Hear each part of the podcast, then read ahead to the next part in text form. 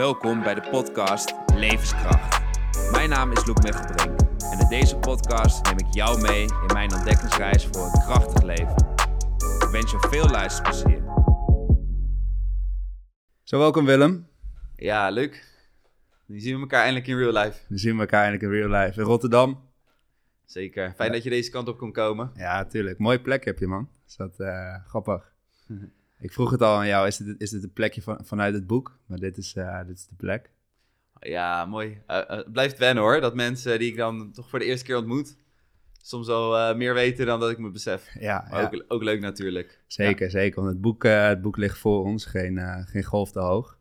Ik zou, mijn vriendin heeft hem in twee dagen gelezen. Ik heb er drie dagen over gedaan. Maar dat... mijn vriendin kreeg het boek en die, die, ja, die las hem dus in twee dagen uit. En die zei tegen mij van, ik weet niet wat je gaat doen deze week, maar je moet in ieder geval één ding doen. En dat is dit boek eh, van Willem Hoofd eh, lezen. Echt vet, veel respect. Want Willem, ik wil eigenlijk gelijk met jou eh, ja, de diepte induiken, als dat oké is voor jou. Zeker. Het is eh, 22 december 2016.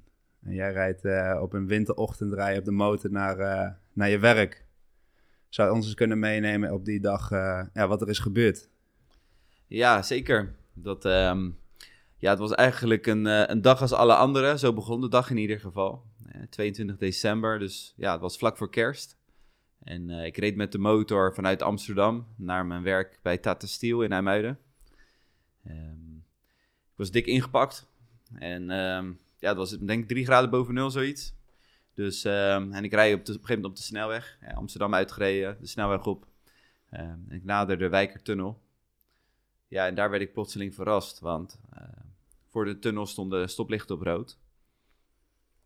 En de reden dat ik daardoor verrast werd, is dat je normaal gesproken op de snelweg geen, geen stoplichten hebt. Eh, behalve soms wel eens voor een tunnel of voor een brug. Maar ja, als er dan lichten aangaan, dan zie je dat al kilometers van tevoren dat er waarschuwingslichten zijn normaal. Misschien ken je die wel van die borden van eh, 70, 50. Eh, pas op, langzaam rijden. Eh, maar die had ik nu niet gezien. Dus ja, ik rijd daar en ik zie dat de auto voor me ook schrikt. Want zijn remlicht gaat aan, maar gelukkig laat hij hem ook weer los. Want ja, ik denk met deze snelheid stoppen, eh, dat gaat nooit lukken. Eh, maar op het allerlaatste moment maakte de auto voor me alsnog een, eh, een volle noodstop.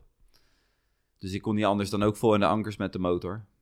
En ehm, ja, ik voel allebei mijn wielen slippen en ik denk nog bij mezelf van, van alsjeblieft, weet je wel, laat je rem los. Hè, de weg voor ons was namelijk helemaal leeg.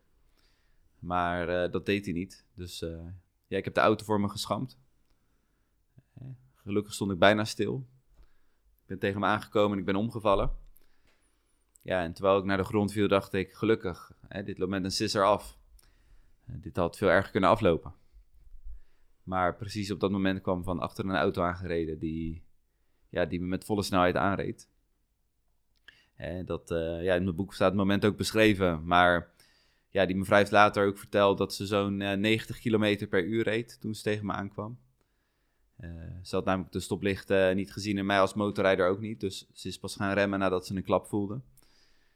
Eh, en ik ben 41 meter weggeslingerd door die, eh, door die klap. Echt een enorme impact. Ja, dat was wel even schrikken natuurlijk. Ja, Bizar, bizar. En Ja, ja je, je vertelde het alsof de, ja, de- dan denk je het loopt met het sissen af, maar natuurlijk is het allemaal een split second. Het gebeurt, het gebeurt super snel. En dan, eh, dan, ja, dan word je door, de- door, door de lucht heen eh, gesmeten als het ware. En dan dat, dat moment als je daar op de grond ligt, kan je, kan je dat nog herinneren. ja zeker. Want ik, ik herinner me dat ik mijn armen uitstak naar de grond. En ineens kwam die enorme klap. Een klap zoals ik nog nooit gevoeld heb. Ja, en het voelde echt letterlijk alsof mijn ziel voor een moment uit mijn lijf werd geslagen. Alsof ik echt mezelf uit elkaar voelde gaan of zo. En een moment later komt het samen en ik voel mezelf op, eh, op het asfalt neerkomen. Ik wist niet dat ik zo ver was weggeslingerd. Het ging inderdaad allemaal super snel. maar het eerste dat ik dacht is, er komen auto's aan. Ik moet de snelweg af. En ik probeerde omhoog te komen om naar de kant te kruipen van de weg. En op dat moment voelde ik dat mijn lijf niet meer reageerde. En een moment later eh, wilde ik ademhalen, maar ook dat lukte niet, want dat hoorde ik dan later in het ziekenhuis. eh, allebei mijn longen waren ingeklapt. Dus ja, ik lag daar en ik besefte me letterlijk, eh, er is niks wat ik nu kan doen. En als ik wil blijven leven, dan moet ik ook blijven ademen. Dus ik heb in een reflex heb ik mijn helm opengeklapt en eh, ik heb mijn armen eigenlijk wijd gespreid op de weg. Om op die manier mijn longen de ruimte te geven. Uh, en dat werkte gelukkig, want ik kon wel weer kleine hapjes lucht binnenhalen. Uh, maar ik, ja, ik was doodsbang. Ik begon mijn lijf te scannen om te kijken hoe, hoe ik eraan toe was. En ik merkte dat ik mijn benen dus ja, niet kon bewegen, maar ook helemaal niet meer voelde. ik wist niet eens of ze op dat moment nog aan mijn lijf zaten, want dat kon ik niet zien. En ja, mijn bovenlijf kwam het gevoel wel terug. Ja, gelukkig ergens, maar ook weer niet, want dat leek echt in brand te staan van, uh, van de pijn. Uh, in het ziekenhuis later hoorde ik dat uh, mijn ribben waren gebroken, ruggenwervels gebroken, verbrijzeld. mijn heupbot was door de midden gebroken, een aantal bloedingen intern. Dus ik was er echt, echt slecht aan toe. en ze voelden het ook letterlijk op dat moment, alsof mijn lijf kapot was. En het enige wat ik dacht, ik moet zo stil mogelijk blijven liggen, want het voelt niet, niet alsof ik moet bewegen.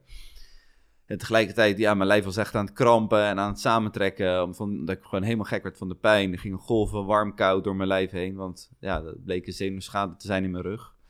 Uh, op dat moment wist ik dat niet. Maar ja, ik, ik dacht, het is klaar nu. Dat is eigenlijk wat door mijn hoofd heen ging. En mijn lichaam werd steeds kouder. Mijn hartslag deed raar. Ik had bijna geen lucht. En ja, toen moest ik toch denken aan, uh, misschien is dit het wel. Uh, en ook aan de mensen om me heen, aan mijn collega's. In eerste instantie, ik was weg naar werk. Ik was iemand die altijd te laat kwam, weet je wel. Tussen 7 en 9 begonnen we op kantoor en ik kwam dan altijd kwart over 9 aan. En dan had ik soms ook één collega, wat, uh, die dan heel vaak belde van... Ik wil alleen even checken dat alles oké is hoor. En dan zei ik, ja, ik ben gewoon weer te laat, weet je wel. Maar ik ben er bijna. En uh, ja, ik dacht straks dat hij weer bellen. En, maar dit keer ga ik niet meer komen. Zulke gedachten. En maar ook aan mijn moeder, die zei, moet dat nou zo'n motor? En dan had ik altijd zoiets van, uh, loop niet zo te zeuren. Hè? Ik hou wel van een beetje risico in mijn leven. Dan dacht ik, ja Willem, daar lig je dan. je hebt er zelf uh, voor gekozen om uh, die risico's te nemen. Ja, heb je er nu ook mee te dealen, zeg maar. maar nee, ik, ik weet wel dat ik echt heel erg veel angst voelde. Maar dat ik ook dacht, ik moet niet in paniek raken nu. Want ik heb weinig lucht, ik heb bijna geen zuurstof. En met de lucht die ik heb, moet ik zuinig omgaan. Dus ik moet mezelf kalmeren, ik moet mezelf rustig houden. Als ik wil overleven, is dat wat ik moet doen. En ik weet dat ik naar de wolk aan het kijken was, op die manier mezelf te, kalm, kalm te maken. Maar er gebeurde heel veel. Ik weet niet hoe lang ik daar heb gelegen.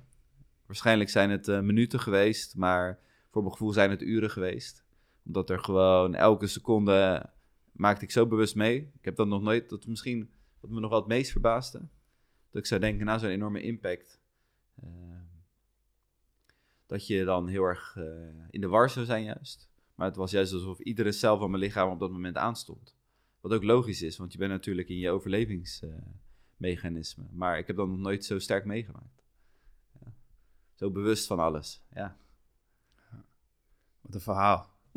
En ook hoe je het nu vertelt, dat je nog steeds dat, ja, die seconde van seconde zo bewust, nu nog steeds vijf, zes jaar later uh, meemaakt.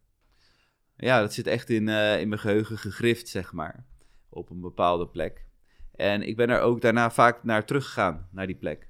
Ook natuurlijk in het stuk verwerking. Het stuk traumaverwerking, emotionele verwerking.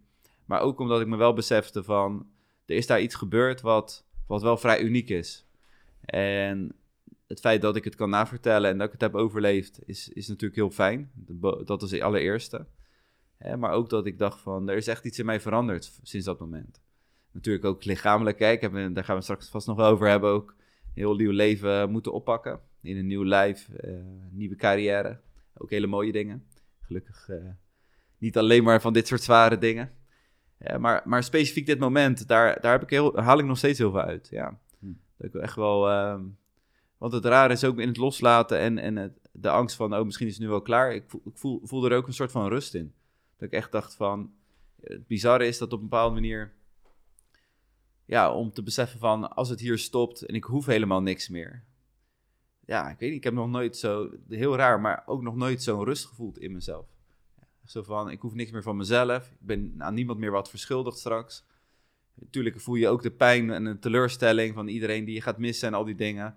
Maar ook dat je ergens voelt van, ja, maar als het niet meer in mijn handen ligt, ja, dan kan ik hier wel tegen gaan vechten, maar het is niet meer aan mij of zo.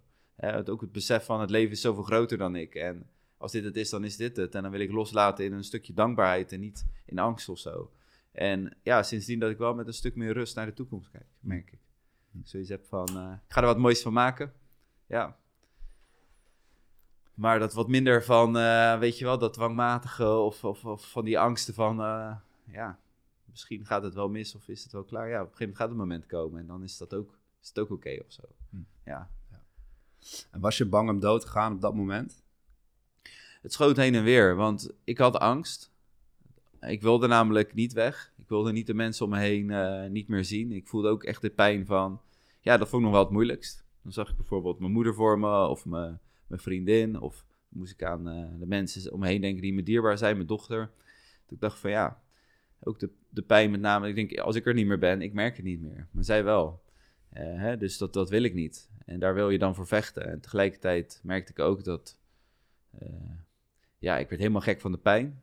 Ik wilde dat dat stopte. En eh, vooral dat besef van, it's not up to me. Dat voelde ik heel sterk. Van, ja, het enige wat ik nu kan doen is hier liggen en mezelf proberen zo kalm mogelijk te houden en proberen te blijven ademen.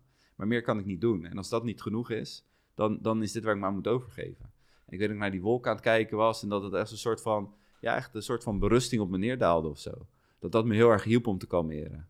Maar dan zat ik in die kalmte en dan ineens voelde ik weer zo'n pijnscheut door mijn lichaam heen schieten. En dan was het echt alsof ik soort van letterlijk weer, weer volledig terug in mijn lijf werd getrokken. En ja, dan wilde ik het uitschreeuwen, maar ik had geen lucht. En ik voel mijn buikspieren samenkrampen. En ik dacht stil liggen, weet je wel. Want ja, alles zat natuurlijk los in mijn lijf. En dan werd ik weer helemaal gek.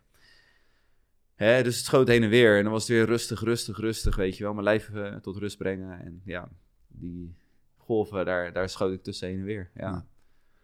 En dan lig je daar en ja, op een gegeven moment komen de, komen de hulpdiensten die, uh, ja, wat je zegt, het duurt wellicht een paar minuten voordat de ambulance, et cetera, uh, er is. Hoe, hoe is het sinds vanaf dat moment, je ligt daar alleen, nou, vervolgens komen die, die hulpdiensten, hoe, hoe is het daarna gegaan?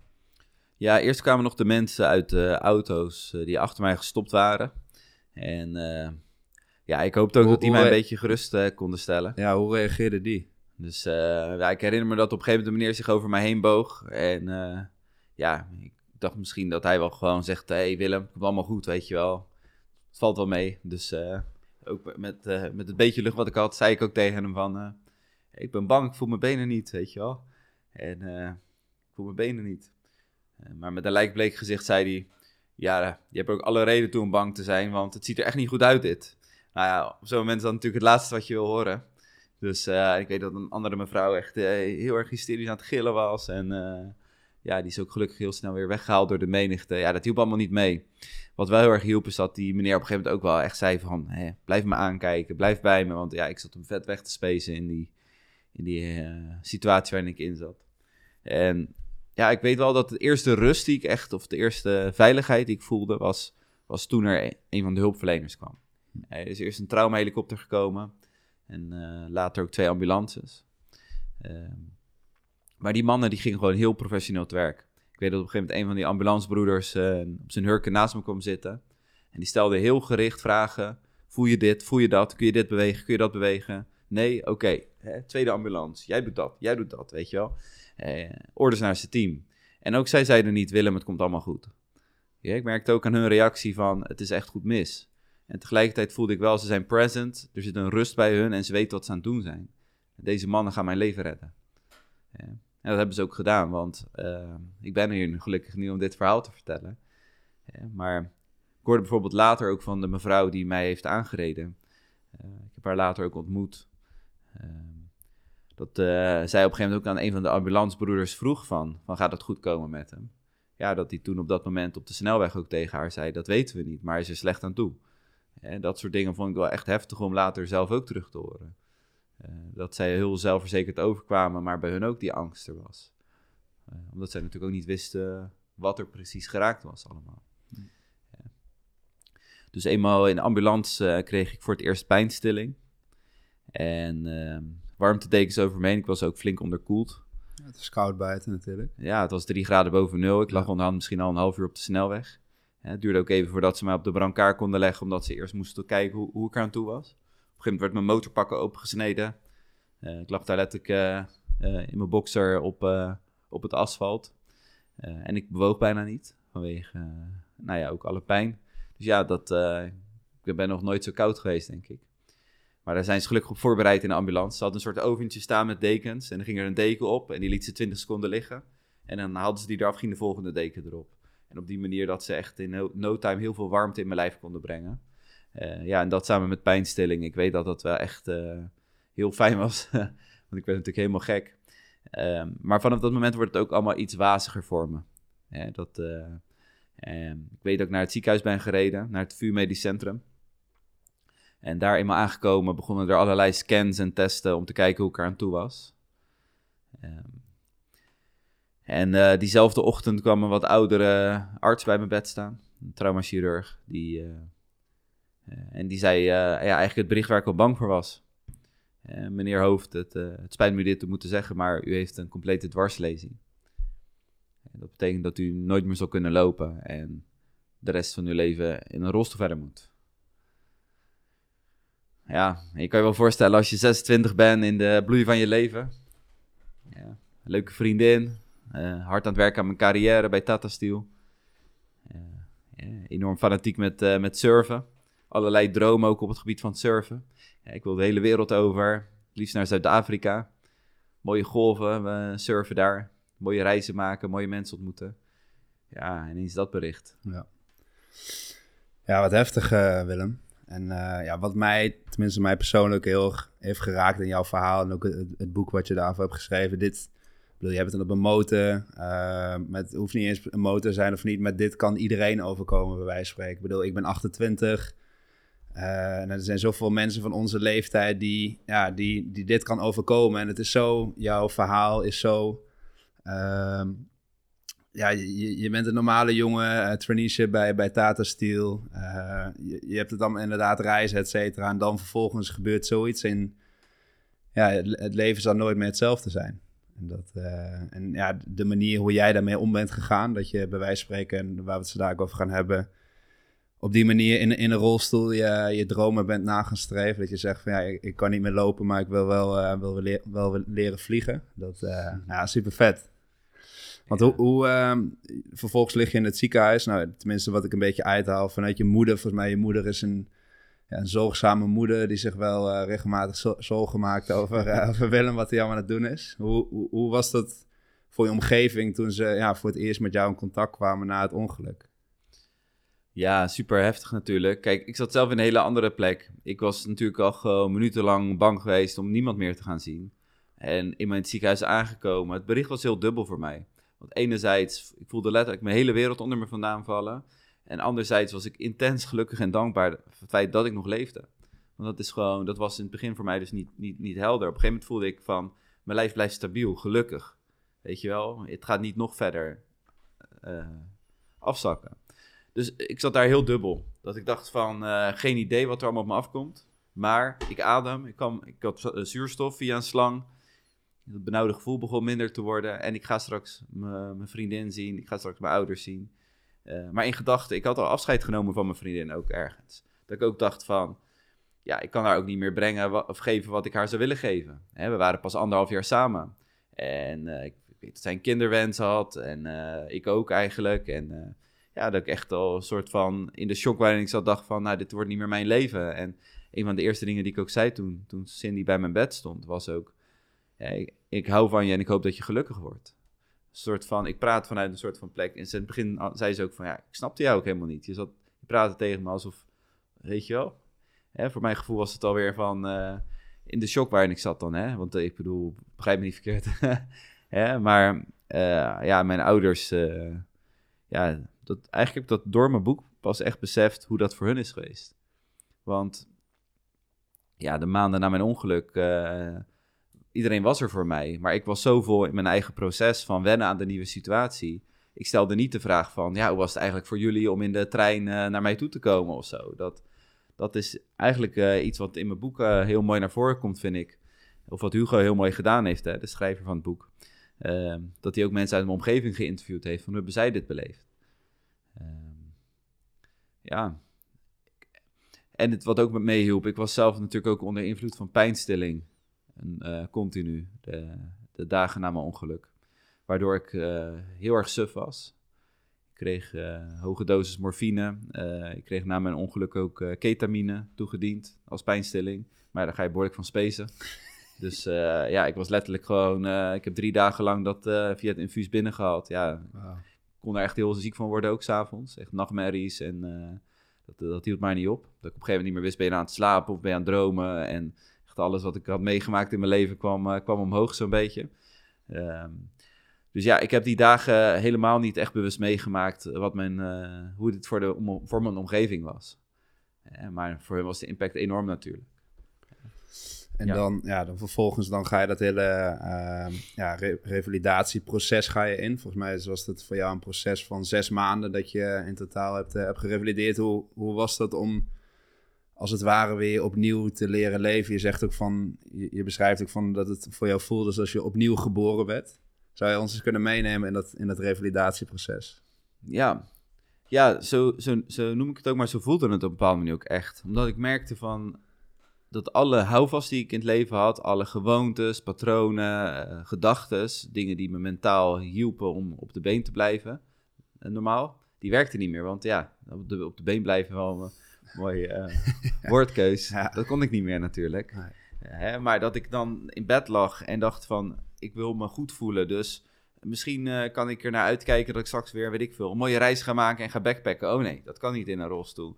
Weer mijn surfdroom naar Zuid-Afrika. Oh nee, ja, ik kan niet eens met mijn benen staan laten staan, ooit nog op mijn surfboard. Um, mijn carrière, uh, oh nee, overal zag ik belemmeringen. Um, ik werd helemaal gek van mijn gedachten. Dus wat ik op een gegeven moment ging, uh, ging doen als soort van training, is proberen elke keer als ik in die gedachten zat van iets wat ik nooit meer zou kunnen, gewoon mijn aandacht naar het moment brengen. Gewoon echt proberen in het hier en nu te zijn. En ik was best wel veel met persoonlijke ontwikkeling bezig voor mijn ongeluk. En dat hielp me gewoon heel erg om uh, in een soort van kalmte te zijn. En ook heel erg naar dat moment terug van dat ongeluk. Dat ik dacht van, wat was daar nou, weet je wel? Die rust die ik daar voelde, die kalmte. Ik dacht, ik lag bijna dood te gaan. En ik kon echt een soort van enorme rust en verlichting erin voelen. En ging ik gewoon naar die plek terug. En, en, en zoiets van niet te veel zorgen maken. Het komt wel goed. Ik leef nog, ik adem nog en ik ga er wat van maken. Maar ik moet wel helemaal opnieuw beginnen. Zo voelde dat. Hm. Alsof ik inderdaad opnieuw geboren werd. Hm. En het revalideren, dat proces, dat, dat, dat, dat, dat, dat voelde ook een beetje zo. Als het opnieuw opgroeien, maar dan in sneltreinvaart. Ik heb zes maanden gerevalideerd. Maar dat was in het begin ook, ja, als een soort van baby in de wieg. Ik werd op, op bed gewassen en ik werd verzorgd en ik werd gevoerd daar. In het begin deden mijn armen het ook niet, dus ik kon mijn eigen eten niet eten. net als bij een babytje. Maar op een gegeven moment kon ik dat wel weer zelf. Mijn armen gingen weer werken, mijn benen niet. Hè. Dat was vrij, vrij duidelijk dat dat ook niet kon. Uh, maar je beschrijft, tenminste, dat haal ik wel een beetje uit je boek, dat je op een gegeven moment nog wel een soort van de hoop had dat je, dat je benen het weer gingen doen.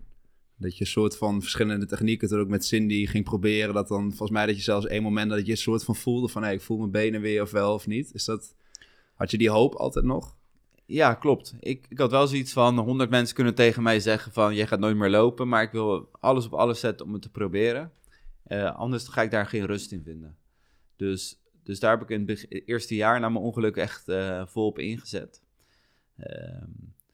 Dus uh, inderdaad ook na, naast mijn gewone therapieën ging ik dan s'avonds met vrienden of met Cindy oefeningen doen om toch mijn benen te bewegen, doorbewegen, proberen te stimuleren. Um, en ik heb daar op een gegeven moment wel wat dingetjes die weer begonnen te werken. Hè? op een gegeven moment gingen er zoveel kleine dingetjes vooruit tegen de verwachting in, dat ook de artsen op een gegeven moment zeiden van, geven je het voordeel van de twijfel en we gaan toch inzetten op therapie. Helaas hebben zij toch uiteindelijk gelijk gehad dat het op een gegeven moment ook stagneerde en de progressie ja, op een gegeven moment ook vrij snel weer stopte. Hè, dus ik heb nog wel een paar spiertjes die weer iets zijn gaan doen. Maar functioneel heb je daar uh, niet, helaas niet veel aan. Ehm, maar ja, tijdens het revalideerde leerde ik naast opnieuw lopen bijvoorbeeld. Of willen dat wat ik wilde ook gewoon ja, opnieuw leren fietsen bijvoorbeeld. Hè, maar dan met een handbike. Of opnieuw zwemles. Want dat soort dingen moet je ook leren. Hè, dingen die je als kind leert. Uh, of ook op een gegeven moment van, ja, hoe, hoe zorg je weer voor jezelf? Hoe kleed je jezelf aan? Maar ook de eerste keer weer de stad in met vrienden. Hè, eerste keer uitgaan eerste keer dronken worden. En uit je rolstoel vallen en op straat liggen dat je denkt van, eh, oh ja, Ja. wat doe je nu, weet je wel? Nou, Ja. dan ik gelijk weer een nieuwe revalidatie doe. Hoe, hoe klim je van de grond in je rolstoel terug, weet je wel? Ja, precies. Ik denk dat is iets wat ik moet gaan leren. ja, ja, Want af en toe een feestje is ook leuk op zijn tijd. precies. Hè, maar nee, het voelde echt een beetje, ja, die kinderjaren, maar ook de puberteit. Eerste keer weer met mijn vri- vriendin op een gegeven moment van eh, nacht samen in het weekend, dat dat eh, weer mocht. Ja, hoe werkt dat dan met, eh, met een nieuw lijf? En eh, ik voelde me net weer een jongen van 15 die alles voor de eerste keer moest doen. Dus ja, het, het, het, het, was heel dubbel die periode. Zo kijk ik er ook echt op terug van emotioneel natuurlijk enorm heftig en een soort rouwproces soms wel, van dingen loslaten. Maar het was ook een hele hoop nieuwe dingen weer voor de eerste keer beleven. En als je iets voor de eerste keer doet, beleef je het vaak heel intens. En zo voelde dat ook. Eerste keer dat ik naar een festival in mijn rolstoel ging, ik had echt weer die kriebels in mijn buik, alsof het mijn eerste feestje was. En ik kon er ook wel echt van genieten. Ik dacht van, eh, wauw, weet je wel, alles is uit mijn comfortzone op dit moment. En soms is dat kut, maar het kan ook heel mooi zijn. En ja, Ben je dingen meer gaan waarderen door het ongeluk? Eh, zeker. Ja, vooral dat besef van het kan ineens klaar zijn, het leven. Ja. Ik denk als je vanuit. eh, ik heb sindsdien ook veel mensen ontmoet die, die ja, ook dingen hebben meegemaakt, laat ik het zo zeggen. En dat is iets wat denk ik we allemaal wel gemeen hebben. Dat als je gewoon eh, zoiets hebt meegemaakt, dat je wel beseft van het leven kan ineens klaar zijn. En dingen waar ik vroeger veel meer over kon twijfelen, dat ik nu zoiets heb van nee, fuck it, ik ga het gewoon doen. Ja. Want dat, ja, dat, dat, dat dacht bedoel ik. Ik vind het altijd leuk om podcast goed voor te bereiden, maar ook gewoon over dingen na te denken. En ook na het, na het lezen van je boek, et cetera. So- soms heb je dan dat er, gebeur, dat er dingen gebeuren in je leven of bij mensen in je omgeving, dat je opeens denkt van, ja, het, wa- waar ben ik eigenlijk mee bezig, weet je? Dat je opeens zo'n enorme filter krijgt wat echt belangrijk is in het leven. Dat je denkt van, ja, ik heb die droom, ja, waarom stel ik daar nog twee of drie jaar uit? En dat is ook een beetje wat jij zegt natuurlijk. Je had de droom om te gaan kitesurfen op de golven van eh, voor de Tafelberg in Kaapstad. En dan, dan gebeurt zoiets. Dan denk je, ja, had ik maar eerder gedaan. En dat is... Ik had het ook vorige week met een vriend die, die ook iemand kende, waar, waar ook, die ook een ongeluk gehad. Dat we ook tegen elkaar zeiden van gewoon alles wat je deelt, eh, het is niet morgen of volgende week. Of, of nee, het is nu gewoon, nu, nu is het moment om je dromen te gaan nastrijven. Want ja, voordat je het weet, dan, dan rij je op een, eh, op een koude ochtend richting Amuiden en dan, dan gebeurt zoiets. En natuurlijk, jouw verhaal is nog extra bijzonder, waar we het zo over gaan hebben, hoe je, hoe je daar uiteindelijk bent met omgegaan. Maar dat, ja, soms, of dat iemand in je omgeving overlijdt, dat je opeens zo'n enorme filter krijgt van, ja, dit is echt belangrijk in het leven en ja, ik ga mijn dromen nastreven. Mhm. Ja, exact. Dat is letterlijk wat me gewoon eh, heel erg bezig hield, ook in het ziekenhuis. Enerzijds ook, ook heel blij kon zijn over keuzes die ik gemaakt had. Bijvoorbeeld na mijn studie dat ik er toch voor had gekozen een half jaar eh, niet te gaan werken en eh, te gaan reizen. Dat ik dacht, ja, dat heb ik wel mooi in de pocket. Die ervaringen die heb ik. Dit ga ik misschien nooit meer kunnen doen. En wat ben ik blij dat ik het toen gedaan heb. Eh, of, of er waren wel meer dingen waar soms mensen een oordeel over konden hebben. Van mijn levensstijl. Maar dat ik dacht van, eh, ik heb het wel allemaal mooi gedaan. Hè? En daar ben ik blij om. Maar bijvoorbeeld die droom om naar Zuid-Afrika te gaan. Ja, dat was er nou typisch één die ik echt ieder jaar aan het uitstellen was. Want vanwege mijn drukke carrière en mijn werkleven en studie... Was, dat, was ik meer en meer in een leven aan het groeien dat ik dacht van... Nee, dat soort dingen moet ik in investeren. En die dromen, dat komt later wel, weet je wel. Hè? En ja, ik ben, eh, misschien is dat nog wel waar ik het, het meeste wat ik eruit heb gehaald. Echt dat besef inderdaad van... eh, nee, nee, nee. De dromen, die moeten opeens staan. Hè? En het werk en het leven eromheen, die moet dat supporten, maar niet andersom. Ja. Is het ook iets wat je, eh, ja, wat je aan mensen wil meegeven, bij wijze van spreken, jouw verhaal, dat je, ja, dat je denkt van dit, ja, die, die dromen die je hebt, ma- maak een plan en, en ga je het doen. Natuurlijk is het altijd, je hebt ook een, ja, natuurlijk heb je ook je werk, et cetera. Natuurlijk is het niet dat je opeens, oké, morgen ik bel mijn baas op, ik neem ontslag en ik ga een wereldreis maken. Maar dat je wel, ja, zoiets hebt, tenminste dat hoor ik ook een beetje in jouw verhaal, van ja, zorg wel gewoon dat je dat prioriteit blijft houden, want voordat je het weet, dan, eh, dan kan het niet meer. Eh, zeker. Ja, ik, ik geef ook veel lezingen eh, bij bedrijven, scholen, universiteiten, op allerlei plekken. Eh, waar ik onder andere ook hierover vertel. Want het is iets waar eigenlijk heel veel mensen mee worstelen, merk ik. Van, van alle leeftijden, maar ook, ook zeker uit onze doelgroep, onze leeftijdsgroep. Ehm, want inderdaad, carrière is belangrijk. Je wil een leven opbouwen. En anderzijds, eh, ieder mens heeft dromen. Maar letterlijk, heel veel mensen eh, die ik spreek, die zeggen wel eens van ja, ik ben gewoon vergeten wat ze zijn. Dat ik gewoon altijd maar druk ben met ja, mijn, mijn, mijn gewone leven. Ehm, en ik denk, je kan natuurlijk heel radicaal zeggen, ik zeg mijn baan op en ik ga een wereldreis maken. Ehm, maar wat ik heb gemerkt, op het moment dat je gewoon alleen al ervoor kiest van, ik heb een droom en ik, ik ga hem waarmaken. Maakt niet eens uit in hoeveel tijd, maar ik ga, ik ga daar langzaam naartoe werken. Dan begint er al een soort van vlammetje te ontwaken. Ik had het ook met mijn droom naar Zuid-Afrika te gaan. Uiteindelijk ben ik na twee jaar na mijn ongeluk erheen gegaan. Veel sneller dan ik uh, had verwacht. Um, en op die plek zijn was natuurlijk geweldig. Maar ik besefte me ook toen ik daar was, dat eigenlijk de hele aanloop ernaartoe hè, en mezelf trainen en alle mensen die me erin gingen supporten en alle dingen die toevallig op zijn plek vielen, die, die maakten dat het zo snel mogelijk was. Al die kleine overwinningjes, die waren misschien wel net zo leuk als daadwerkelijk daar zijn. En daar zijn was eigenlijk het moment dat ik dacht van wauw, hier komt alles samen. Maar het is gewoon de hele weg ernaartoe die al net zo leuk is. En dat is inderdaad weer dat in het moment leven van ja, op het moment dat je jezelf toestaat om, om te mogen dromen. En ik sprak van de week toevallig een vrouw bij een lezing die zei: Mijn droom is om te leren piano spelen. En uh, ik heb dat heel lang uitgesteld, want ik heb dan zoiets, daar moet ik dan heel veel tijd voor maken. En op een gegeven moment heb ik gewoon gedacht: nee, ik ga gewoon beginnen met een les. En ik heb me ingeschreven en volgende week ga ik ermee beginnen. En die vrouw was helemaal aan het stralen. Hè? En dan kan ze nog geen Mozart spelen of weet ik veel wat. Maar het feit dat ze zich heeft ingeschreven en dat ene stapje, dat maakte al dat ze helemaal aan het stralen was. Even uit die sleur van de normale leven. Ik ga iets nieuws leren wat ik altijd al wilde. En ik denk, daar gaat het om. Eh, dat je jezelf die, uh, ja, die ruimte geeft. Want wat is er nou uiteindelijk belangrijker dan, denk ik dan, je dromen leven in dit leven. Ja, ja. Mooi. Want je maakt al even een klein sprongetje naar, uh, naar Kaapstad. Um, als we iets, iets terug in de tijd brengen, je, je, je hebt net je revalidatie gehad van zes maanden. Uh, nee, je vertelde dat je altijd een droom had om uh, ja, naar Kaapstad te gaan om daar te kitesurfen. Maar dat je zei van ja, je kan niet meer lopen, dus dat surfen zou er helemaal wel niet in zitten. Wat, wat was het eerste moment dat je een soort van onder, onderzoek bent gaan doen of die droom eventueel nog wel mogelijk zou kunnen zijn? Nou ja, surfen was voor mij altijd meer dan een sport alleen. het was voor mij echt een, eh, een uitlaatklep passie. Echt een plek waar ik mijn emoties ook even helemaal uh, eruit kon laten, om het zomaar te zeggen. En ja, na mijn ongeluk had ik daar natuurlijk enorm behoefte aan. Um, dus ik vroeg al vrij snel aan mijn uh, fysiotherapeut en mijn arts van... Hey, zijn er mogelijkheden om, om te surfen met een dwarslezing? Eh, windsurfen, kitesurfen, iets in die richting. Um, maar eigenlijk kreeg ik keer op keer terug van ja...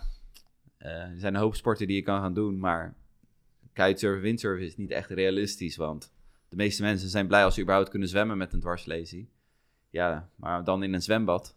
En laat staan dat je dat in een zee doet met, met stroming. En uh, ja, wat jij nog wil doen, grote golven en, en storm. Ik bedoel, de meeste normale mensen, dat zeg ik dan altijd, normale mensen. Weet je wel, soms een beetje beladen, maar... tussen haakjes, tussen ja, haakjes. De meeste normale mensen die, eh, die zwemmen dan al liever niet in zee, zeg maar. Ehm, nee, dus uh, in het begin dacht ik wel van wauw, dit, dit, gaat hem niet meer worden. maar op een gegeven moment merkte ik dat het zwemmen mij heel goed afging. Een stuk beter dan, uh, dan de meeste mede, ja, waren het, patiënten die, met wie ik zat daar. En mijn bovenlijf werd steeds sterker, mijn balans werd steeds beter. En op een gegeven moment merkte ik van wauw, ik ben weer zelfredzaam in het water. Ik kan nu het lang volhouden. Ehm, dus ik kan het in ieder geval gaan proberen. want in het ergste geval dan lukt het niet, maar dan uh, kan ik terugzwemmen. Um, en op internet veel aan het zoeken geweest. En ik vond wel een paar foto's van mensen die dan op een bord iets van een stoeltje gebouwd hadden met een framepje. En, maar het zag er allemaal een beetje krakkemikkig uit. En die mensen waren dan ook met mooi weer op een plasje, een beetje aan het dobberen en een beetje aan het, uh, aan het kutten, om het zo maar te zeggen. Ja, maar wat ik wilde was Zuid-Afrika, weet je wel, golven van 2, 3 meter hoog, uh, keiharde wind, door de lucht vliegen. Dus ja, wat die mensen gemaakt hadden, dat was niet sterk genoeg dus ik besloot toen om uh, uh, met een groep vrienden zelf een, een, bord te gaan ontwerpen. En hadden we nou, een jongen erbij betrokken, die is professioneel kitesurfer, Ruben Lente. We hadden een jongen erbij betrokken, die is fysiotherapeut. Die kon dan vanuit dat oogpunt kijken naar mijn houding. Maar een jongen die, weet je wel, zo'n aantal disciplines bij elkaar. Um, maar dit zou eigenlijk een jarenlang project gaan worden, want je moet het bord gaan bouwen, positie bepalen, testen. Moet je het natuurlijk weer opnieuw bouwen, weet je wel. En daarnaast was mijn leven gewoon helemaal vol met ja, nog steeds wennen aan de nieuwe situatie. Er moest een huis komen, ik moest weer gaan reïntegreren bij Tata Steel, al die dingen. Dus ik hield er rekening mee dat ja, Kaapstad, Zuid-Afrika misschien nog wel tien jaar zou gaan duren. Maar ik had tegelijkertijd zoiets van, maakt me niet uit. Ja, ik ga die droom waarmaken, al kost het me tien jaar van mijn leven. Ik, ik, weet namelijk hoe belangrijk het is om dit soort dromen waar te maken in het leven. Maar ja, ik had geluk, want uh, ik verklapte het net al een beetje. letterlijk de week dat ik de revalidatie uit was, een half jaar na mijn ongeluk, werd ik s'avonds laat door een vriend van mij gebeld. En die zegt, Willem, dit moet je zien. En hij stuurt me een video op van een man in een rolstoel. Die ging kitesurfen, maar niet op een plasje met weinig wind, maar echt precies wat ik wilde gaan doen. Echt van die grote golven zag ik hem door de lucht heen vliegen en springen en echt uh, fucking mooie bochten op die golf maken. Ja, ik dacht bij mezelf, ten eerste toen ik het zag, van wauw, als hij het kan, dan betekent dat het dus mogelijk moet zijn. Want als hij het kan, dan zou ik het ook kunnen leren. En ten tweede betekende het dat ik dacht, als ik weet welk bord hij heeft, dat gaat mij jaren van ontwikkeling schelen. Uh, dus we hebben hem opgezocht. En hij sprak Frans in die video. Dus ik denk, nou mooi, Frankrijk, dat is aan te reizen. Ik hoef niet helemaal naar de andere kant van de wereld ervoor. Uh, maar geloof het of niet, maar van overal in de wereld waar hij kon wonen, bleek hij op nog geen half uur bij mij vandaan te wonen. in Scheveningen. dus ja, Ruben heeft hem toen opgebeld en drie dagen later zaten we met hem op de boulevard in Scheveningen. En liet hij, liet hij onder andere het bord zien wat hij gebouwd had. Ja, en het was wel echt zo toevallig, want hij vertelde ook dat hij zei dat er wereldwijd op dat moment maar acht mensen waren die deze sport deden, zittend kitesurfen. En van die acht mensen heeft iedereen zijn eigen bord gebouwd. Uh, maar hij zei ook van, uh, ik ben het meest fanatieke van de acht. En uh, dat hij dus ook echt in golven vaart en dergelijke. En Thierry Smitter heet hij. Hij heeft ook tien jaar lang Paralympisch zeilen gedaan. En vanuit zijn contacten uit de watersportwereld heeft hij eigenlijk dit bord kunnen laten maken. Dat, uh, nou, ik had zoiets van, dit klinkt geweldig. Hij had al jaren ervaring. Alle vragen die wij hadden kon hij meteen beantwoorden. Uh, het enige nadeel, het bord was helemaal voor hem op maat gemaakt. En het kostte zo'n 5000 euro om te laten maken. En ja, dat geld had ik niet uh, 1, 2, 3 beschikbaar. Ja, en daarnaast had ik natuurlijk ook nog de vliegers nodig, andere, wat andere materialen, mijn ticket naar Zuid-Afrika. Om het al zo'n 10.000 euro. Ja, en uh, dat was, zoals ik al zei, ik had het niet op de rekening. En er kwam juist enorm veel op me af qua kosten. want ik ging net weer op mezelf wonen, ik moest een nieuw huis, alles moest aangepast worden.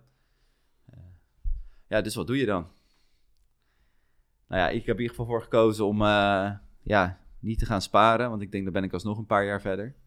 Maar om een crowdfunding te beginnen. Uh, hulp vragen.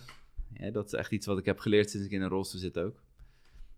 En uh, de slogan van mijn crowdfunding was: lopen kan ik niet meer, maar vliegen ga ik leren. Wil je mij supporten om mijn droom waar te maken? Uh, de actie is precies een jaar na mijn ongeluk online gegaan.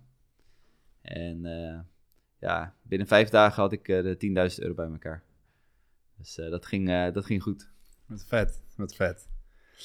En hoe, ja, dat is, dat is een fantastisch verhaal. Hoe, hoe was het voor jou het eerste moment dat je weer... Dat, dat, je dat zag, dat het wellicht weer mogelijk was. Dat het wellicht mogelijk was dat je die, dat je die droom kon gaan waarmaken. Was het, voelde dat heel onwerkelijk? Of dacht je, gelijk van, oké, let's go? Ah, het, uh, het leuke is dat ik oh, wel echt voelde van dit gaat me gewoon lukken om, om weer te gaan surfen. Uh, in de revalidatie lag ik daar heel vaak over na te denken. Ook van hoe moet dat bord dan worden en... Hè, maar aan het visualiseren hoe ik dat dan nu met mijn lijf zou doen en balans en in allerlei situaties dat dingen mis kunnen gaan. Maar ik had wel zoiets van, uh, ik had wel dat vertrouwen dat het moest gaan lukken. Op een of andere manier. Maar het feit dat er niemand in de wereld was die, die het deed, of ik kon er niks over vinden, ja, dat, dat maakt toch ook dat je denkt van, daar is vast een reden voor.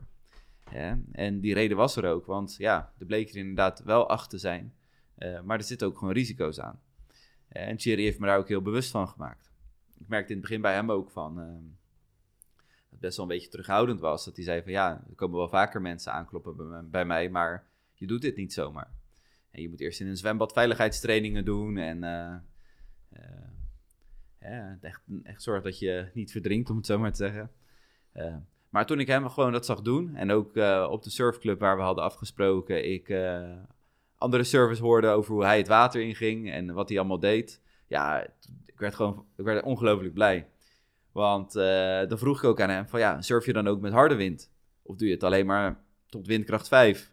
Nou, toen kwam er een jongen aangelopen met een, een smaal van oor toe. Hij zegt, of hij alleen maar met windkracht 5 surft. Nee hoor, als de windkracht uh, aantrekt, wordt windkracht 7, windkracht 8 soms zelfs. Dan staan wij hier aan de kant soms te kijken van...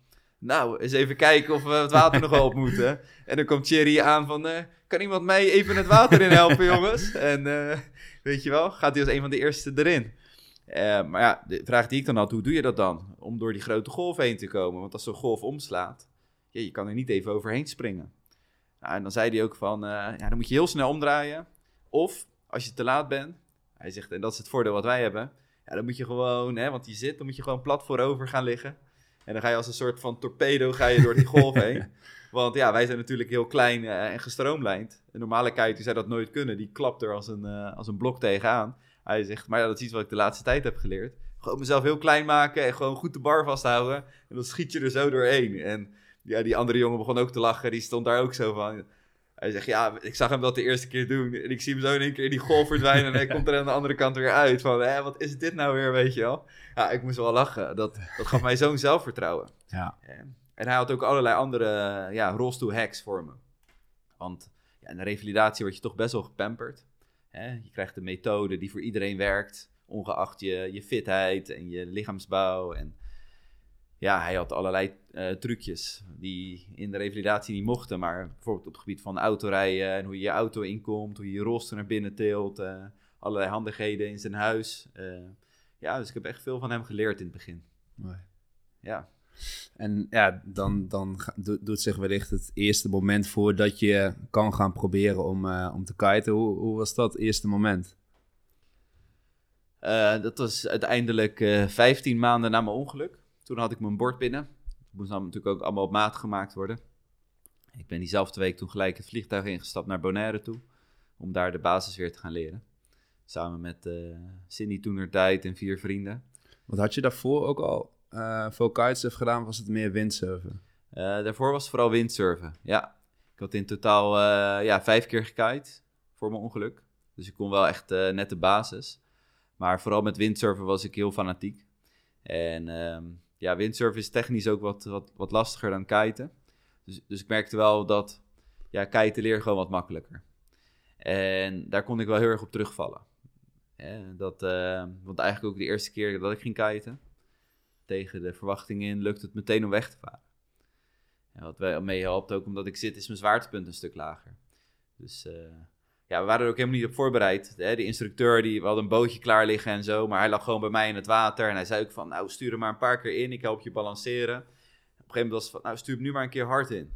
Dus uh, ik stuur die kite hard in en ik trek hem terug en ik trek aan de bar. Zoals ik hè, geleerd had dat het moest. En ik voel dat bord uit het water komen en ik schiet ineens weg. En het bord blijft gewoon varen. En ik, het lukt om mijn kite een beetje op de goede positie te houden. En dat bord blijft maar doorvaren. En ik kijk ineens achter me en ik zie dat de boot gewoon nog op dezelfde plek ligt. Want ja, hij lag nog in het water. Dus ik had zoiets van, wow, vet. En tegelijkertijd dacht ik, shit, want als er nu iets misgaat, ik ben op mezelf aangewezen. dus ik ben uiteindelijk een heel stuk doorgevaren en op een gegeven moment maar heel voorzichtig mijn bord wat sales aan laten komen. Mijn kite netjes naar 12 gestuurd. En toen kwam op een gegeven moment ook de boot aangevaren. Nou, en op die boot, weet je wel, mijn vrienden en Cindy en die instructeur allemaal van, wow, weet je wel, wat is dit nou weer? En nou, dat gaf echt zo'n goed gevoel. Um, die instructeur zei ook van ja, ik had, ik had hier totaal niet op ingesteld. Dus uh, ja, die moest natuurlijk terug aan boord eerst. Maar vanaf dat moment, ja, ik kon eigenlijk niet meer stoppen. Ik merkte ook op het water vergat ik gewoon helemaal dat ik een dwarslesie had. Het was gewoon net als vroeger, helemaal in het moment.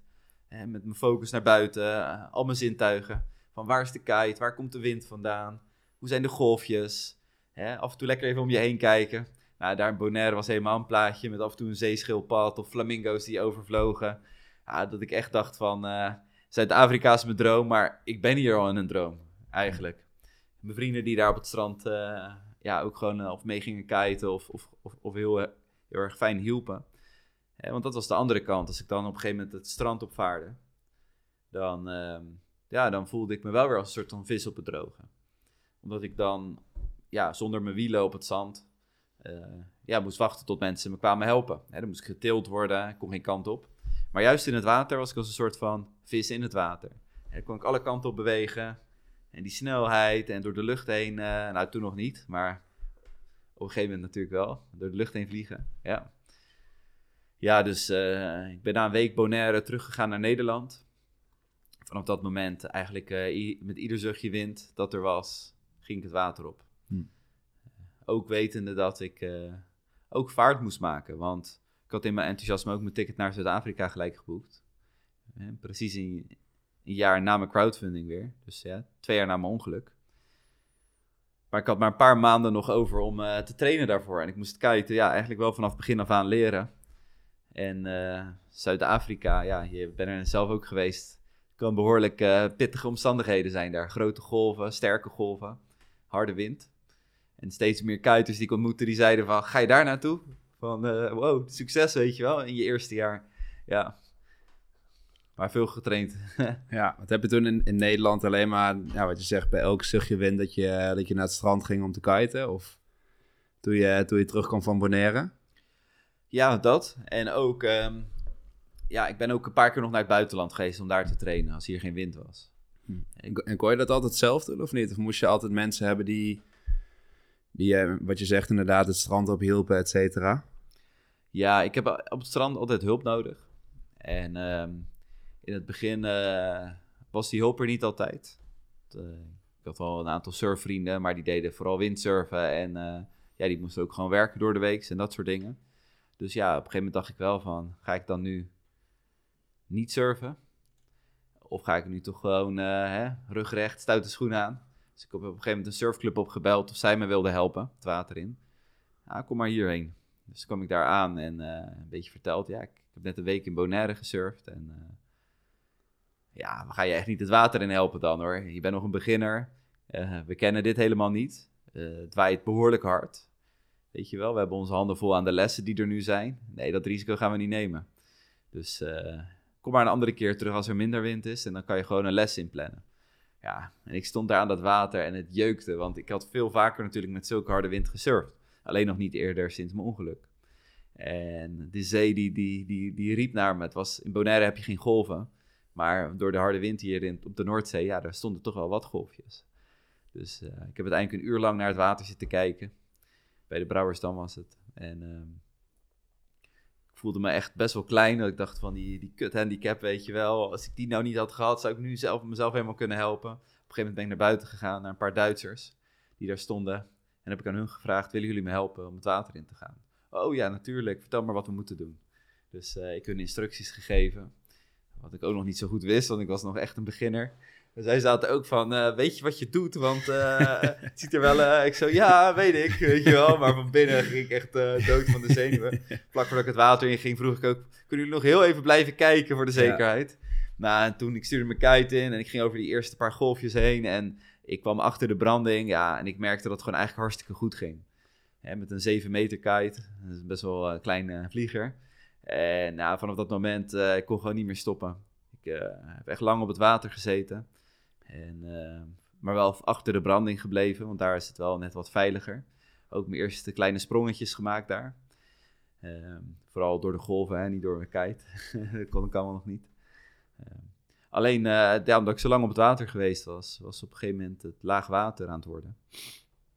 En ehm, voor de kust was een zandbank droog komen te liggen. Dus eh, ik wil op een gegeven moment terugvaren, want ja, het werd ook steeds later. De zon eh, begon op een gegeven moment ook langzaam onder te gaan. Op het strand waren steeds minder mensen. En ik heb natuurlijk wel weer ook mensen nodig die me uit het water kunnen halen. Dus op een gegeven moment dacht ik, ik moet nu echt terug. Maar ik zie ineens dat die zandbank helemaal droog ligt. En dan heb je dus een zandbank en dan een poeltje met water en dan heb je pas het echte strand. Ja, dus ik raakte best wel in paniek toen. Ik denk, oh shit. Dus eh, ja, geprobeerd toen op een grote golf of ik toch over die zandbank heen eh, getild kon worden. Want nou, normaal gesproken doe je gewoon je bord uit, loop je en dan surf je weer verder. Maar dat kan ik natuurlijk niet. Maar dat ging mis, dus ik kwam eh, ja, precies op die zandbank tot stilstand en het water trekt weer weg. En ik zat daar in het zand met mijn bord en mijn kite eh, vol gepowerd. Ik wist ook nog niet eens dat je hem kon depoweren. Dat, dat soort dingen had ik allemaal nog niet eens geleerd. Echt heel eh, onhandig. Ja, ik heb daar uiteindelijk echt een minuut of twintig gezeten in, eh, wat ik zei, behoorlijke stress. Want ehm, ja, ik zat vast en ik denk terug de zee in kan ook niet. het duurde een paar uur voordat het weer vloed wordt. Maar gelukkig dat toen op een gegeven moment twee jongens in de verte zagen dat ik daar al een hele tijd zat. Dus die kwamen naar me toe gesurfd. En die vroegen ook, gaat alles goed? Ik zo, nee, nee. Weet je wel, ik zit vast. En uh, zei, ja, we kunnen we even helpen. Ja, en die jongens bleken echt super goed te kunnen surfen. Dus uh, nou, eentje had mijn vlieger uh, afgekoppeld. En die zei, ik vlieg wel met twee vliegers terug. Dat ik dacht van, dat kan kennelijk ook. Die ander, ja, klim maar uit je bord, neem ik je op mijn rug mee. Je bord halen we zo wel op. Dus ik op zijn rug en al body dragend op zijn rug nou, meer naar de kant gevlogen. Hè, die, en toen ben ik op zijn rug geklommen. Heeft hij dan met zijn vlieger me de duin op. Hop, zo naar mijn auto. En toen zat ik weer veilig in mijn rolstoel. Hij mijn bord gehaald. Ah, die gasten ook, die stonden echt te kijken van... Uh, je kan niet lopen, je bent hier in je eentje. Wat de fuck doe je eigenlijk op die zandbank?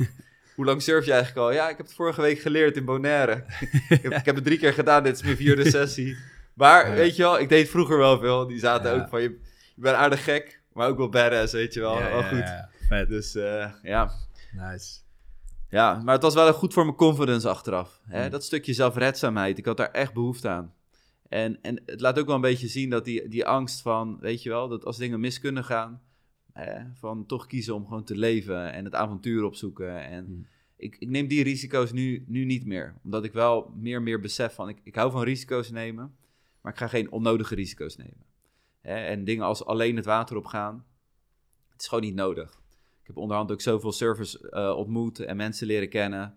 Uh, er zijn altijd mensen die, die een handje willen helpen of even mee willen of een oogje in het cel willen houden. Dus ik, ik organiseer dat wel beter voor mezelf tegenwoordig. Hm. Maar daarvoor zijn wel, heb ik wel dit soort dingen nodig gehad om die les te leren. Ja. ja. ja. En je noemde net al even hulpvragen. Uh, ja, nu, nu net het voorbeeld natuurlijk, moest je letterlijk hulp vragen. Uh, is het lastig voor je geweest in het, ja, tijdens, tijdens de revalidatie of na het ongeluk om om hulp te vragen aan andere mensen? Ja, ik vond het begin wel lastig. Uh, ik heb ook gemerkt dat dat eigenlijk een thema is dat voor heel veel mensen speelt. Dat, ik heb het in mijn lezing ook wel uh, over het onderwerp, hè, de kracht van hulp vragen.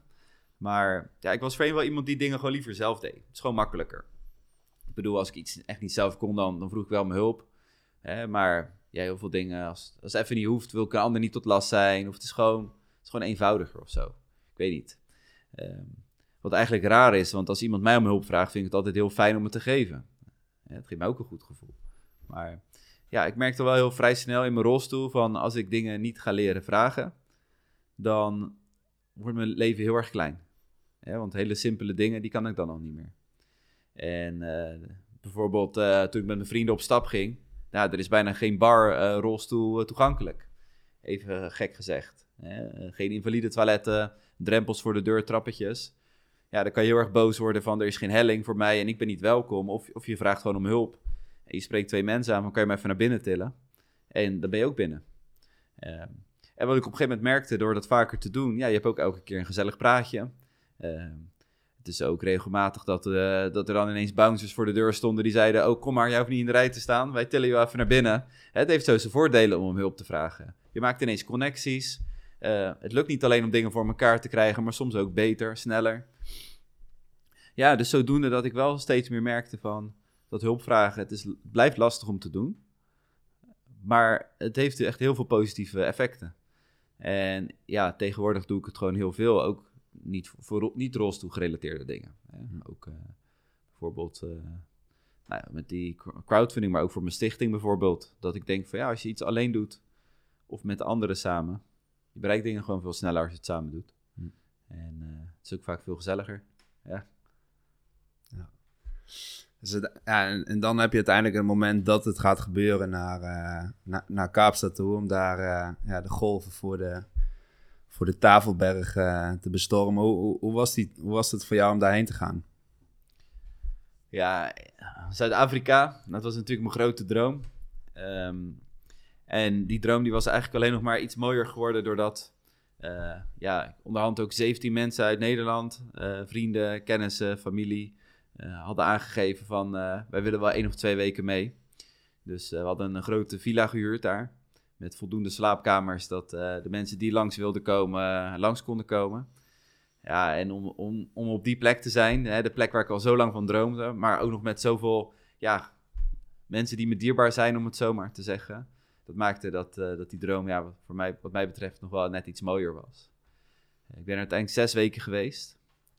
Uh, ook een aantal ja, goede lessen geleerd. Hè. Bijvoorbeeld de tweede week kreeg ik een blaasontsteking. Een van de complicaties die, die je kan hebben als je een dwarslesie hebt. En uh, die sloeg door naar mijn nieren, dus ik moest daar naar het ziekenhuis in Afrika. Nou ja, dat was even een, een tegenvaller.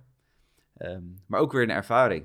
Want ja, een van de dingen die me bijvoorbeeld ja, wel, wel uh, bezig hield. Dat ik dacht van ja, wat als ik ziek word daar in Afrika? Dat is een van de dingen die je niet wil. En die kans is wel groter als je in een rolstoel zit. En dat gebeurde dan ook. En dan te merken dat je daar eigenlijk prima terecht kan. Dat soort dingen gewoon, ja, wel anders gaat dan bij ons. Uh, maar uiteindelijk het allemaal te overwinnen is. Hè, zo heeft het mijn wereld echt letterlijk vergroot. Ook op, op, dat soort vlakken. Maar vooral op het gebied van surfen. Want ja, ik heb in die zes weken zoveel uren gemaakt aan het einde van die trip mijn eerste backrolls gedaan. En uh, ja, om gewoon te merken dat dat soort dingen lukte weer met het, met het zitkiteboard. Uh, om door de lucht te vliegen, sprongen te maken, ja, dat was echt, uh, echt heel gaaf. Mooie golven afrijden. de eerste paar sessies waren echt doodeng, maar ja, die confidence groeide gewoon. Hè, dus zes weken Zuid-Afrika was echt, echt goud. Maar ja, na zes weken moest ik ook weer terug naar Nederland. En ehm, ja, ook wel weer een harde confrontatie met mijn handicap toen. Want ik moest uh, een operatie doen toen ik terugkwam in Nederland. Uh, waardoor ik zes weken op bed moest liggen. Ja, het was wel een groot contrast. Zes weken Zuid-Afrika, de wereld aan mijn voeten. Het idee dat ik alles kon overwinnen. al die mensen die gezegd hadden, surfen, dat zit er niet meer in. En ineens ben je daar met Tafelberg op de achtergrond. Mijn vrienden op het strand, weet je wel. Dat ik echt dacht, uh, niks is te gek. En drie dagen later lag ik letterlijk hier in de woonkamer waar we nu zitten, in die hoek. Twee vierkante meter, dat was mijn wereld. Ja, ik kon mijn eigen lichtrompje niet bedienen, ik kon niet naar de koelkast. Volledig afhankelijk, volledig gehandicapt weer. Ja, en zes weken is dan best wel lang. Dus uh, ja, ik moest daar toen mentaal echt weer even de knop voor omzetten. En uh, ja, het begin ging dat ook niet zo goed. Had ik het echt wel weer even zwaar. Ik ging weer heel erg mijn schulp in, geen hulp vragen. Vooral balen over alles wat ik niet kon. Maar toen op een gegeven moment kwam ook wel weer dat besef van... Willem, wat heb je nou geleerd van dit alles? Kijk naar wat er wel kan in plaats van naar wat er niet kan. En, en, en ga het niet allemaal zelf proberen te doen. En wat je niet zelf kan, daar Cindy mee belasten. Want alles kwam op haar schouders. En zij trok het op een gegeven moment ook niet meer. Hm. Dus uh, op een gegeven moment gewoon een post online gezet ook van... Ja, mensen, het gaat eigenlijk helemaal niet zo goed. Uh, Cindy zit er doorheen. Ik zit er doorheen. Uh, wil je komen helpen om een keer boodschappen te doen? Een keer eten te koken of even een kop thee te drinken of gewoon even wat gezelligheid brengen, weet je wel. Het zou echt fijn zijn. Nou, echt binnen no time allemaal reacties van mensen. Ook mensen die ik helemaal niet zo goed kende. En zo dichtbij is hulp. Met één simpele post op Facebook. Um, maar ja, het is echt de mentale drempel die, die ja, gewoon... Dus het kader van wordt het makkelijker. Niet per se, maar uh, ik denk wel dat het echt nodig is om, om, te doen. Voor iedereen dat het nodig is. Maar ik heb wat vaker nodig misschien. Hm. Maar vanaf dat moment ook, dat Cindy gewoon lekker soms even een paar dagen, weet je wel, niks hoefde te doen qua zorg. Dat hier gewoon uh, mensen kwamen, maten, kennissen. Ja. Want hulpvragen is dan bijvoorbeeld een ding wat je nu aanhaalt, dat, dat, dat, dat jij hebt geleerd om dat meer te doen en dat andere mensen dat ook in andere situaties wellicht meer zouden moeten doen.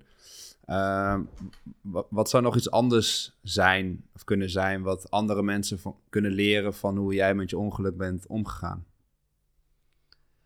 Nou, ik zit vooral, als ik kijk wat de, de, grootste lessen zijn die het mij heeft gebracht, is het om echt te focussen op, wat is er wel in plaats van naar wat is er niet. Hè, wat kan ik wel? Uh, het heeft namelijk helemaal geen zin om, uh, om te focussen op alles wat je niet kan, wat er niet is. Echt het accepteren van, van je situatie want ik denk, ik bedoel, ik heb een, een, tegenslag meegemaakt waardoor ik in een rolstoel zit. Maar ja, gelukkig maakt niet iedereen dat mee. Maar ik weet wel zeker dat iedereen te maken krijgt met tegenslagen. En ook dingen, ik bedoel, jij hebt ook ongetwijfeld dingen meegemaakt waar ik niet mee zou willen ruilen. Maar waar je wel mee te dealen hebt. Ja, en hoe ga je daarmee om? En dat is wel wat ik heb geleerd, dat het uiteindelijk niet de tegenslag is die de kwaliteit van mijn leven bepaalt. Maar de manier hoe dat ik daarmee omga. En met een positieve mindset kom je gewoon veel verder. Eh, ook dat als mensen zeggen, je kan niet surfen, maar ik wil toch gaan kiten in Afrika met een dwarslazy. Ja, dan kan je het waarmaken voor jezelf. Dus dat is denk ik ook een les die ik wil meegeven van, geloof in jezelf. En als je een droom hebt, ga ervoor. Want er komt nou eenmaal een moment dat het niet meer kan. Dat komt voor iedereen. Je weet alleen nooit wanneer. Ja. En om die dromen waar te maken, ga het ook niet alleen doen, maar doe het lekker met anderen samen. Het maakt die droom alleen maar mooier, denk ik. Het gaat alleen maar meer leven. Je kan het misschien sneller bereiken. Gedeelde smart is halve smart, maar ik denk andersom werkt die ook. En uh, ja, dus ik denk vooral die lessen. Hm. Dat ik, uh, waar ik het meest aan heb. Ja. Want uiteindelijk de, de podcast Levenskracht. Ik ben altijd benieuwd aan de, aan de mensen die in de podcast komen, die, die pod, of de term levenskracht, wat, wat betekent dat voor jou? Mm Vind ik een mooie vraag. Even over nadenken. Nou, dan haal ik even een bak koffie en dan... Uh... Ja, helemaal goed. ja. Nee, ik, ik stel deze vraag bewust nu, omdat ja, ook een beetje wat je zegt, de, de tegenslagen, omgaan met tegenslagen. Het, ja, dat je uiteindelijk ja, zelf... dat is een goede vraag. Want levenskracht, ik kan het wel echt voelen, weet je wel. Ik denk levenskracht is heel erg van... Van wat zijn je drijfveren in het leven? Ja. En ik, wat ik wel heb gemerkt is, is hoe verder je van je, eigen, van je eigen dromen vandaan gaat. Zo noem ik het steeds. Maar het kunnen ook zijn de dingen waar je energie van krijgt. Je eigen vuur, je eigen kern. Dingen waar je voor op wil staan s ochtends ik denk hoe verder je daar vandaan gaat, hoe, hoe kleiner je levenskracht wordt. En ik denk ook, het maakt niet uit wat voor werk je doet, maar als je iets doet waarbij je voelt dat het, die levenskracht versterkt, dan zal je er ook beter in zijn. Ik bedoel, als jij een baan doet waar je eigenlijk niet je hart in voelt, dan zal die baan je op den duur gewoon leegzuigen en dan zal je nooit echt heel goed erin kunnen worden. Het kan wel, maar het, het heeft een hele hoge prijs. Terwijl ik denk als jij iets doet wat je echt energie geeft, wat je passie geeft, dan ja, dan, dan, dan, dan voedt het elkaar. Weet je wel, ik, ik, ik, ik werk nu misschien nog wel meer dan dat, ik, dan dat ik voor mijn ongeluk deed. Maar het voelt niet als werken, want het is echt iets waarvoor ik wil leven. En dat is mijn levenskracht ook. En ik verdien er nu ook mijn geld mee met het geven van lezingen, het inspireren van mensen. Ja, een boek geschreven, het reizen over de wereld, inspirerende mensen ontmoeten. Uh, het kitesurfen, maar ook met mijn stichting andere mensen helpen om dat mogelijk te maken. Voor mij is dat zeg maar echt de, de, de drijfveren en de waarden waarvanuit ik wil leven. En dat geeft me heel veel levenskracht. En dat merk ik ook van mijn geheime achterveerkracht. Is ook in de momenten dat ik goed ben en dat ik geen complicaties heb, uh, zoveel mogelijk van dit soort dingen doen. Zodat mijn levenskracht optimaal is. En dat ik hoog in mijn energie zit. Want als ik dan weer zo'n complicatie krijg dat ik ineens zes weken op bed moet, en dan, dan voel ik dat ik opgeladen ben en dat ik het aan kan. Maar als ik zeg maar zes weken lang op kantoor moet zitten, hè, mezelf daar gewoon langzaam in leegtrek en dan krijg je een operatie van zes weken. Ja, ik denk dat ik mentaal helemaal gek zou worden. maar als je zes weken lang de hele wereld overgaat en, en je hebt daarna zo'n rustmoment, wat je dan helaas verplicht moet nemen, maakt het wel een stuk draagzamer. Ik denk dat dat ook uh, iets is wat ik wel geleerd heb. Van, uh, ja, als je goed bent, dan don't take it for granted, maar geniet ervan. En neem het er echt van. Hmm. want er komen gewoon weer momenten dat, dat er tegenslagen komen. Ja, en dan heb je het echt nodig dat die batterij vol zit. Ja. Ja, ja. Dan kan je stellen, misschien een rare vraag hoor, maar kan je stellen dat wellicht door je ongeluk en het leven wat je daarna bent gaan leiden, dat je daardoor meer levenskracht hebt gekregen? Hm, ik denk dat ik het wel harder nodig heb, de levenskracht. Hm. Want door, door, door het leven met een handicap heb je gewoon veel dingen die gewoon kut zijn. Ik bedoel, begrijp me niet verkeerd. Je leeft elke dag in een lijf wat gewoon maar deels functioneert. En af en toe heb je gewoon dagen dat je uitvalt en dergelijke. Ehm, dus dan merk ik dat het des te belangrijker is om echt die dagen daaromheen mezelf uh, ja, optimaal die opzet te geven. Ja. Uh, dus ik merk wel dat ik veel minder twijfels bijvoorbeeld heb. Vroeger kon ik mezelf veel meer saboteren. Misschien herken je het wel. Ieder mens doet dat, denk ik, in meerdere of mindere mate. Ehm, en ik merk dat dat wel minder geworden is. Ik zoiets heb van, uh, ik heb mijn portie wel door die rolstoel. Hm. En de rest ga ik zo mooi mogelijk voor mezelf inrichten. Ja, ja. ja mooi. mijn vriendin zei ook na, na het lezen van het boek, toen zei ze ook van, ja, ik, ik ben gewoon jaloers op Willem, weet je wel. Van ja, dat die, die, die reist de wereld rond en die, uh, ja, die, die doet mooie dingen, kite op de mooiste plekken van de wereld. Maar toen ja, hadden we daar natuurlijk ook een gesprek over. Ja, hij zit wel in een rolstoel. En het is natuurlijk wat jij nu ook beschrijft. Van het, misschien in het boek klinkt het mooi, maar je hebt ook dagen dat je wellicht wakker wordt. Je denkt van, het is ook gewoon kloten. Mm ik beschrijf in het boek op zich ook wel van die momenten, uh, ja, hoe, heel erg, zeg, me best wel opgedaan dat het niet alleen een succesverhaal is, maar juist ook wel van uh, de rauwe kant, zeg maar. Dat is echt mogelijk beschreven. Um, en ik moet eerlijk zeggen, ik heb geen dagen dat ik wakker word dat ik denk, uh, kut, ik kan niet lopen, waarom doen mijn benen het niet? Uh, op een bepaalde manier voel ik daar wel de acceptatie in. Dat ik wel echt voel van, ja, het leven heeft me op dit pad gezet en, dat is dan hoe het nu zijn moet. Het heeft heel veel nadelen, maar het heeft ook voordelen. Um, maar het is wel inderdaad gewoon, uh, ja, weet je, als je ziek bent of zo, dat soort momenten. Of ja, het zit hem soms in de kleine dingen, weet je wel, van gewoon balen dus ik, ik, was laatst in de bergen, dat je denkt van shit, ik zou die berg wel gewoon uh, willen beklimmen. Ja, dat kan dan niet. Hmm. Uh, maar dan denk ik, ja, uiteindelijk, uh, het leven heeft door mijn ongeluk heel veel dingen die ik nooit meer zou kunnen doen. Maar alsnog net zoveel dingen die ik wel kan doen. En ik ga dat niet eens volmaken in dit leven. Dus dan denk ik, ja, het is maar, je, reken, je kan jezelf zo rijk rekenen als je zelf wil. Hmm. maar mindere dagen heb ik, heeft iedereen, denk ik wel eens. Ja, Nee, zeker. En geloof je, geloof je dat alles gebeurt met een reden in het leven? Ergens wel, ja. Weet je, ik geloof wel dat het leven op een bepaalde manier voor je gebeurt, zoiets. Ik kon vroeger veel meer, ja, nu wordt het wat filosofischer, maar ik kon vroeger veel meer, weet je, het leven benaderen alsof het een probleem was. dat ik continu met, met tegenslagen, ik heb wel meer dingen meegemaakt, gewoon tegenslagen en problemen die je moet oplossen en uh, financiën is een probleem. Dat je moet zorgen dat je dat allemaal regelt in je, in je huis, in je werk. En je bent continu alle ballen in de lucht aan het houden. Zo'n gevoel. Ehm, heel erg probleemgericht. terwijl ik heb nu steeds meer het gevoel van het leven is iets wat voor me gebeurt. Als een soort van cadeautje wat je mag uitpakken of zo. En ik merk als ik in die flow zit en ook probeer te omarmen dat alles wat op mijn pad komt, er inderdaad ook met een reden is. Of het nou echt is of niet, ik merk dat het me gewoon heel erg, heel erg veel brengt in mijn eigen mindset ook met mijn ongeluk te denken van, misschien heeft het zo moeten zijn. En laat ik dan vooral kijken van, waarom gebeurt dit naar de toekomst toe? Van, wat kan ik hiermee brengen? Wat kan ik hiermee geven? In plaats van, waarom ik, weet je wel? Waarom is mij dit gebeurd? Het leven is oneerlijk. Zo van, nee, dit is kennelijk gebeurd voor mij. Hm. laat ik het dan ook uitpakken, dit cadeau. En, en het mooiste van maken. Hm. Ja, en dan te bedenken dat, uh, nou ja, dit soort dingen, hè, wat, uh, wat ook in het boek staat, allemaal hebben kunnen gebeuren.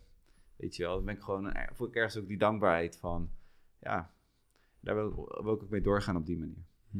Ja. ja.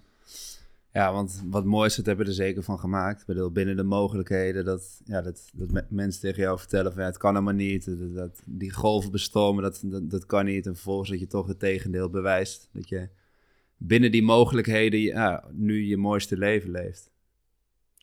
Zeker, je hebt toch te doen met de kaarten die op tafel liggen uiteindelijk. Wat je situatie ook is. En uh, ja. ja, zeker. Ja. Hey Willem, laatste vraag. Um, je bent nu, hoe oud ben je nu? Uh, 32. 32. Tien jaar geleden, toen was je, toen was je 22. En uh, nou, toen, toen, zag je leven er nog heel anders uit. Ja, je noemde net al even het voorbeeld van dat je toen misschien voelde alsof je veel ballen in de lucht moest, moest houden. Een andere mindset. Wat, als je nu, als nu bij wijze van spreken de Willem van 22 uh, eh, komt binnenlopen en die gaat bij ons hier aan tafel zitten. En jij zou iets tegen hem mogen zeggen of een, een soort van advies aan die Willem mogen geven. Wat zou je dan tegen hem zeggen? Hmm. Vooral denk ik, maak je niet zo druk om wat anderen van je denken. Hè, maar leef je eigen leven. Misschien nog wel de allerbelangrijkste les die ik geleerd heb sinds, uh, sinds mijn ongeluk. Want uh, ik weet dat ik in het begin echt heel erg moest wennen aan dat er zoveel mensen steeds naar me aan het kijken waren. Als je langs het terrasje rolt of in de stad bent of weet je wel, omdat je net even, ja, mensen nieuwsgierig zijn of zo. Ja, op begin denk je van, kijk al die mensen. Ja. op een gegeven moment merk ik echt van, uh, fuck it. Gewoon lekker mijn eigen leven leven. En het maakt het zoveel makkelijker om keuzes te maken als je alleen maar met jezelf bezig hoeft te zijn. En niet bezig bent continu met, uh, met je omgeving. Ja, ja, ik denk dat dat hem is. Okay. Goed Willem, dankjewel voor je, ja, voor je hele inspirerende verhaal. Ik heb een, uh, ja, meer dan een uur lang uh, aan je lippen gehangen. Ik had natuurlijk het boek al gelezen, maar dit uh, ja, heel, heel inspirerend, heel, heel waardevol. Dus dankjewel daarvoor. Ja, graag gedaan. Leuk om elkaar te, ja, wat ik zeg, in real life te spreken. Zeker. En ja. ja, tof dat je het boek hebt gelezen ook. Het boek Geen Golf te Hoog. Het is echt een aanrader. Het is echt, uh, je, je, je, leest hem in één klap uit. Je wil hem ook in één klap uitlezen. En uh, ja, vet. Hij ziet er goed gelezen uit in, in ieder geval. Hij ziet er goed uh... gelezen uit, ja, nee, zeker. Ik heb hem ook al een aantal mensen weer uitgeleend. Ik vind het altijd leuk met boeken, dat ik zeg van ja, dit boek moet je echt lezen. Dat, ja, vet. Ja, Willemhoofd.nl is je website? Willemhoofd.com is website. Daar is ook het boek te bestellen. En ja, ook informatie over lezingen en zo ja, superleuk. Als mensen willen connecten, ook via Instagram kan het altijd. Dus, ja. Uh, Post je ook regelmatig vette dingen als je, als je aan het kiten bent of weer ben, op een hele gave plek op de wereld bent. Dus uh, ga dat zeker checken. Of lekker op trip of zo, inderdaad. Zeker, leuk. Heb je, nog, heb je nog mooie plannen voor dit jaar? Uh, ik ga over drie weken op campertrip door Europa. Ja, zes, zeven weken. Dus begin in Italië met een kitewedstrijd en dan denk ik richting Spanje, Portugal of zo. Dus als je de avonturen wil volgen, zou ik zeggen, Zoek zeker op Instagram op. En uh, nou, leuk als je af en toe een berichtje stuurt. Ja. ja. We houden het allemaal in de gaten, eh, Willem. Cool. Dankjewel. Dankjewel. Ja, dat was hem weer, lieve mensen. Ik hoop dat je hebt genoten. Laat even weten wat je ervan vond. En dan spreken wij elkaar snel weer. Maak er een mooie dag van en tot de volgende.